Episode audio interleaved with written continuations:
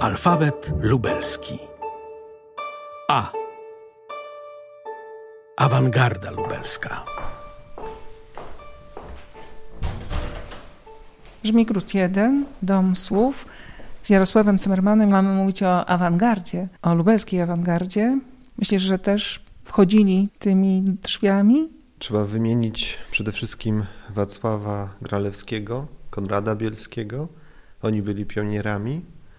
W jakimś sensie pionierem był także brat Józefa Czechowicza Stanisław. No oczywiście sam Józef Czechowicz, Stanisław Grędziński, później Franciszka Arnsteinowa, seniorka lubelskiej poezji, która także dołożyła swoich kilka wierszy do tego, co możemy nazwać awangardą lubelską. No i ci, którzy debiutowali później albo byli o kilka lat młodsi, czyli przede wszystkim Józef Łobodowski, Bronisław Ludwik Michalski, Henryk Domiński, Władysław Podstawka i parę innych nazwisk pewnie moglibyśmy wymienić, ale warto wspomnieć także o tych, którzy gdzieś w cieniu tych twórców debiutowali pod koniec lat 30., czyli przede wszystkim o Julii Hartwig i Jerzym Pleśniarowiczu i w jakimś sensie Annie Kamieńskiej. Oni wszyscy też są gdzieś spadkobiercami przynajmniej tego, co nazywamy awangardą lubelską. Awangarda lubelska w czasie. Jesteśmy w dwudziestoleciu międzywojennym. Miejsce, raz jeszcze powtórzę, tu teraz jest Dom Słów, Żmigród 1. Nie mieściła się tu żadna modna kawiarnia, w której spotykali się ci, o których wspomniałeś, których nazwiska wymieniłeś. Tu była drukarnia, drukarnia popularna dla pisarzy i poetów. Miejsce bardzo ważne. Drukarnie były jednym z tych miejsc, w których awangarda lubelska się rodziła. Już ten pierwszy akord lubelskiej awangardy, czyli Lucifer, został wręcz wyrwany spod prasy drukarskiej. Co prawda nie tej tutaj, dlatego został wyrwany, że wiedzieli, że zostanie skonfiskowany najprawdopodobniej. I e, Wacław Gralewski wspólnie z Konradem Bielskim i jeszcze paroma przyjaciółmi ze studiów i przyjaciółkami, bo formalnie redaktorką naczelną była koleżanka ze studiów, wyciągnęli z drukarni 100 egzemplarzy, zanim reszta trafiła do odpowiedniego urzędu, zanim została skonfiskowana przez policję. Lucifer to było pierwsze ogniwo jeszcze nie, może nie takie awangardowe, jeszcze bardzo mocno związane z młodą Polską, ale już zbuntowane, już e, informujące Lublin i nie tylko Lublin o tym, że istnieje nowe, młode pokolenie poetów, literatów, dziennikarzy, publicystów, które ma odmienne zdanie na temat ten, jak powinien być świat urządzony i bardzo mocno to manifestuje. Lucifer doczekał się jedynie dwóch numerów, ale był takim zjawiskiem, które wprowadziło w atmosferę Lublina początku lat dwudziestych właśnie ten klimat trochę podobny do tego, co robili e, pierwsi reprezentanci awangardy w Polsce, czyli futuryści wówczas. E, ta nazwa dominowała.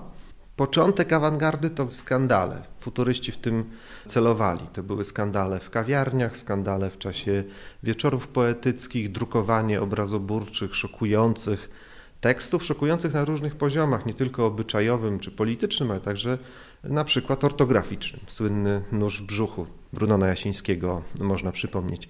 I właśnie lubelska awangarda była bliska temu środowisku, temu klimatowi, bo kiedy się już wykrystalizowała, a ten moment krystalizacji to rok 1924 i tak zwana druga seria reflektora, ponieważ zaraz po Luciferze Wacław Gralewski, Konrad Bielski i już wtedy Józef Czechowicz postanowili stworzyć nowe pismo.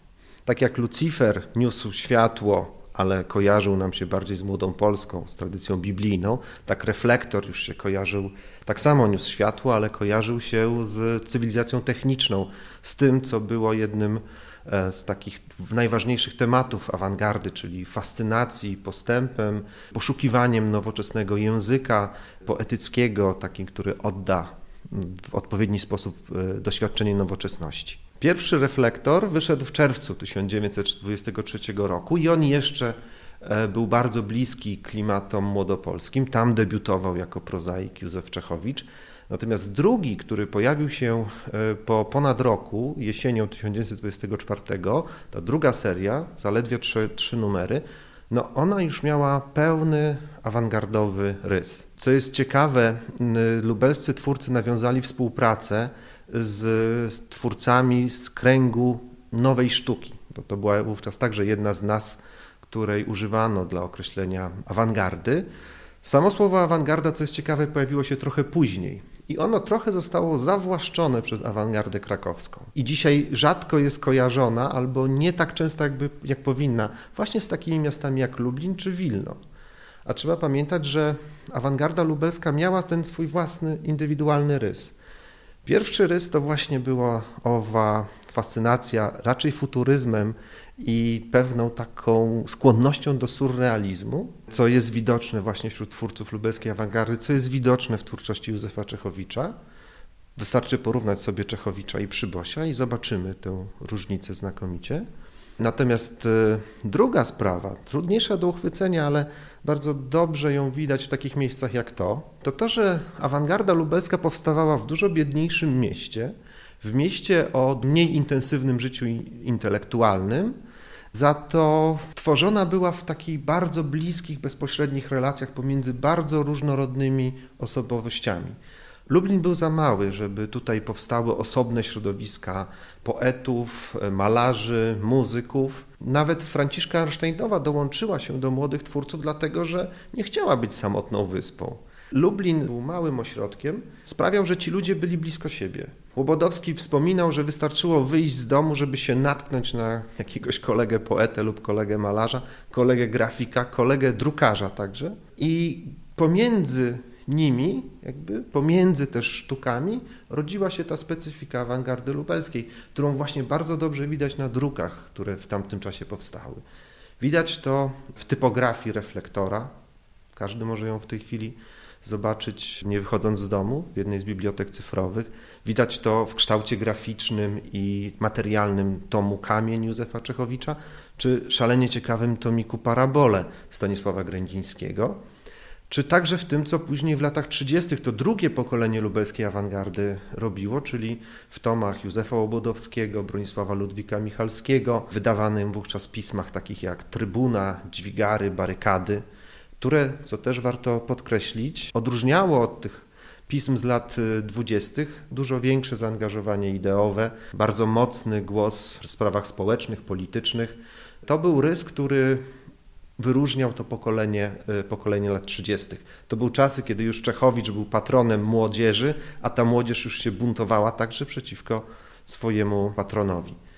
Lubelska awangarda zasługuje na osobne miejsce w historii polskiej literatury, nie tylko dlatego, że zrodziła Józefa Czechowicza czy Józefa Łobodowskiego, czyli twórców, którzy zrobili największą karierę, jeśli chodzi o historię polskiej literatury, także dlatego, że jest znakomitym przykładem tego, jak awangardowa, nowoczesna sztuka zderza się z niewielkim w gruncie rzeczy środowiskiem, jak mając jedynie jako zaplecze jeden uniwersytet i to wówczas dopiero kształtujący się, bo to właśnie w kręgu Uniwersytetu Lubelskiego, czyli dzisiejszego Okulu, rodziła się y, awangarda lubelska, mając do dyspozycji zaledwie kilka kawiarni, kilka maszyn drukarskich wcale nie najlepszej jakości, potrafili stworzyć dzieła, stworzyć pewne zjawisko, które przekroczyło dosyć szybko mury miasta i stało się takim troszkę naszą, naszym znakiem rozpoznawczym. Lublin jest miastem awangardy. Wiem, że to brzmi trochę dziwnie i tak na co dzień tego nie widzimy, ale tym, co nadało naszemu miastu E, prawo do obecności w historii polskiej literatury jest właśnie to, co robili lubelscy awangardziści, to, co zrobił Józef Czechowicz przede wszystkim, ale nie tylko.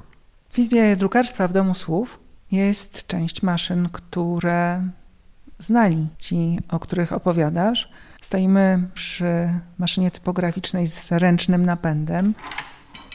Bostonce, to właśnie na niej co roku drukowany jest poemat o mieście Lublinie, przygotowywany przez Ośrodek Brama Grodzka Teatr NN. To jest zresztą maszyna, która jest rówieśniczką Józefa Czechowicza. Urodzili się w tym samym roku, ale to jest maszyna, na której teraz drukuje się teksty Czechowicza, bo zdaje się, żaden z jego tekstów e, w popularnej drukowany nie był. Ale już duszki Franciszki Arsztajnowej, czyli pierwsza książka sygnowana przez Związek Literatów, mogły powstać, myślisz, że na tej potężnej maszynie? Być może. To jest też charakterystyka naszej lubelskiej awangardy. Ona też wynika z tych maszyn. Awangarda poszukiwała nowych form wyrazu, które gdzieś przełamywały te granice pomiędzy sztukami. Najsłynniejszym przykładem tego jest chociażby tomik Sponat, który przygotował e, Przyboś wspólnie z Władysławem Strzemińskim, ale to było drukowane w Cieszynie. W Cieszynie były najlepsze maszyny drukarskie.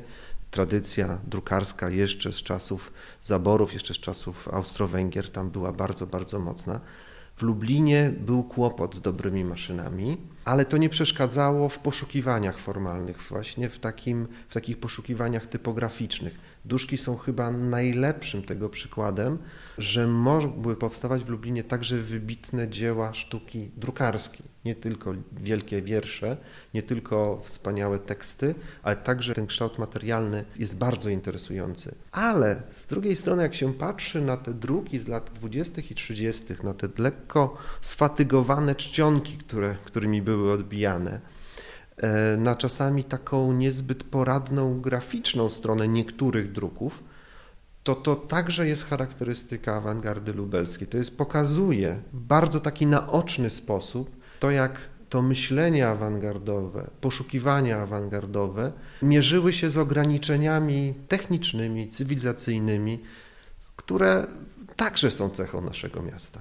Jesteśmy w miejscu, w którym była wtedy drukarnia popularna, ale to nie była jedyna drukarnia w mieście. Okolice, zwłaszcza Placu Litewskiego, to jest y, ten teren, gdzie można było łatwo przechodzić z jednej drukarni do drugiej, ale też z jednej kawiarni do drugiej. Drukarnie, kawiarnie. Dwa ważne adresy lubelskiej awangardy. Drukarnie i kawiarnie były blisko siebie, fizycznie były blisko siebie, bo jeśli spojrzymy na to zagłębie drukarni lubelskich, czyli Śródmieście, czyli okolice ulicy Kościuszki, Plac Litewski. Tam także mieściły się redakcje gazet, które y, musiały mieć blisko maszyny drukarskie, dlatego że wówczas niektóre teksty były po prostu dyktowane bezpośrednio Zecerowi, który układał i odbijał od razu je w formie gazety. Tam pracowali także lubelscy awangardziści. Wacław Gralewski E, dosyć szybko został sekretarzem redakcji, co jest ciekawe, Ekspresu Lubelskiego, czyli Gazety Brukowej. Tam zatrudnił Józefa Czechowicza, który spędził tam kilka lat, a później zakład założył swoją gazetę Kurier Lubelski, jeszcze wcześniej pracował jako sekretarz redakcji w Ziemi Lubelskiej.